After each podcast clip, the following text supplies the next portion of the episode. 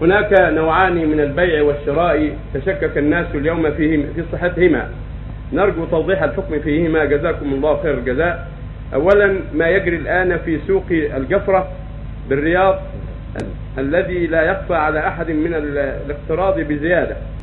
ثانيا التجارة الحديثة في البورصات الدولية لا سيما وقد كثر المتعاملين فيها هذه الأيام من خلال البنوك الدولية المفتوحة حديثا في المملكة. أما قرض الزيادة فهذا لا يجوز. كما يقول عطني خمسه وأعطيك ستة سبعة أو اقرضني 1000 وأعطيك 1020 أو 1030 أو 1040 كما تفعل البنوك وغير البنوك هذا منكر. هذا من الربا المحرم بلا شك. كون يقترض المال بالزيادة ولو قليلا هذا لا يجوز. وله حيلة وطريقة شرعية بحمد الله تغني عن هذا.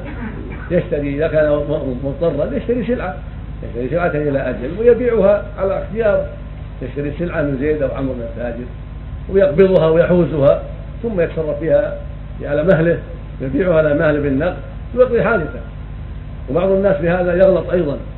يشتري من إنسان ما باع ما هي عنده السلعة يشتري منه ثم يروح يشتريها من التاجر. لا لا تشتري سلعة إلا وهي مملوكة لمن باعها.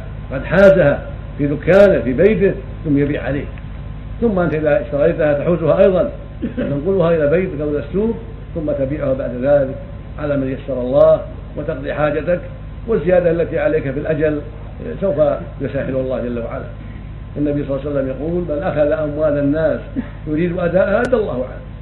ومن استدان لقصد حاجته سد حاجته للزواج أو لقضاء دين أو للإنفاق على عياله سوف يقضي الله عنه يصلح نيته. سوف يقضي الله عنه ويوفي عنه.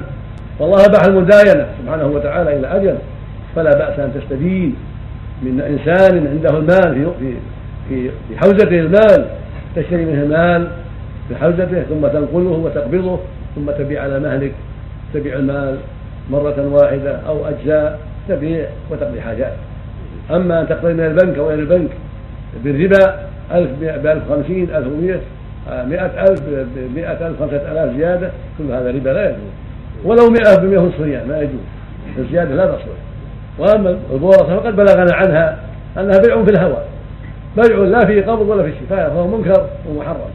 يتبايعون بالمكاتبات بجميع بجميع أنواع المكاتبه من بقية ومن فليكس ومن غير ذلك. أموال لا قبضوها وهذا وهذا يبيع وهذا يبيع وهي موجودة عند أهلها. هذا منكر. وهذه بيوعات باطلة لا تصلح نسأل الله لكن حب المال وكثره المال وفرة بين الناس ما وجدوا لها مكان لها هذا التصرف نسأل الله السلامة. نعم.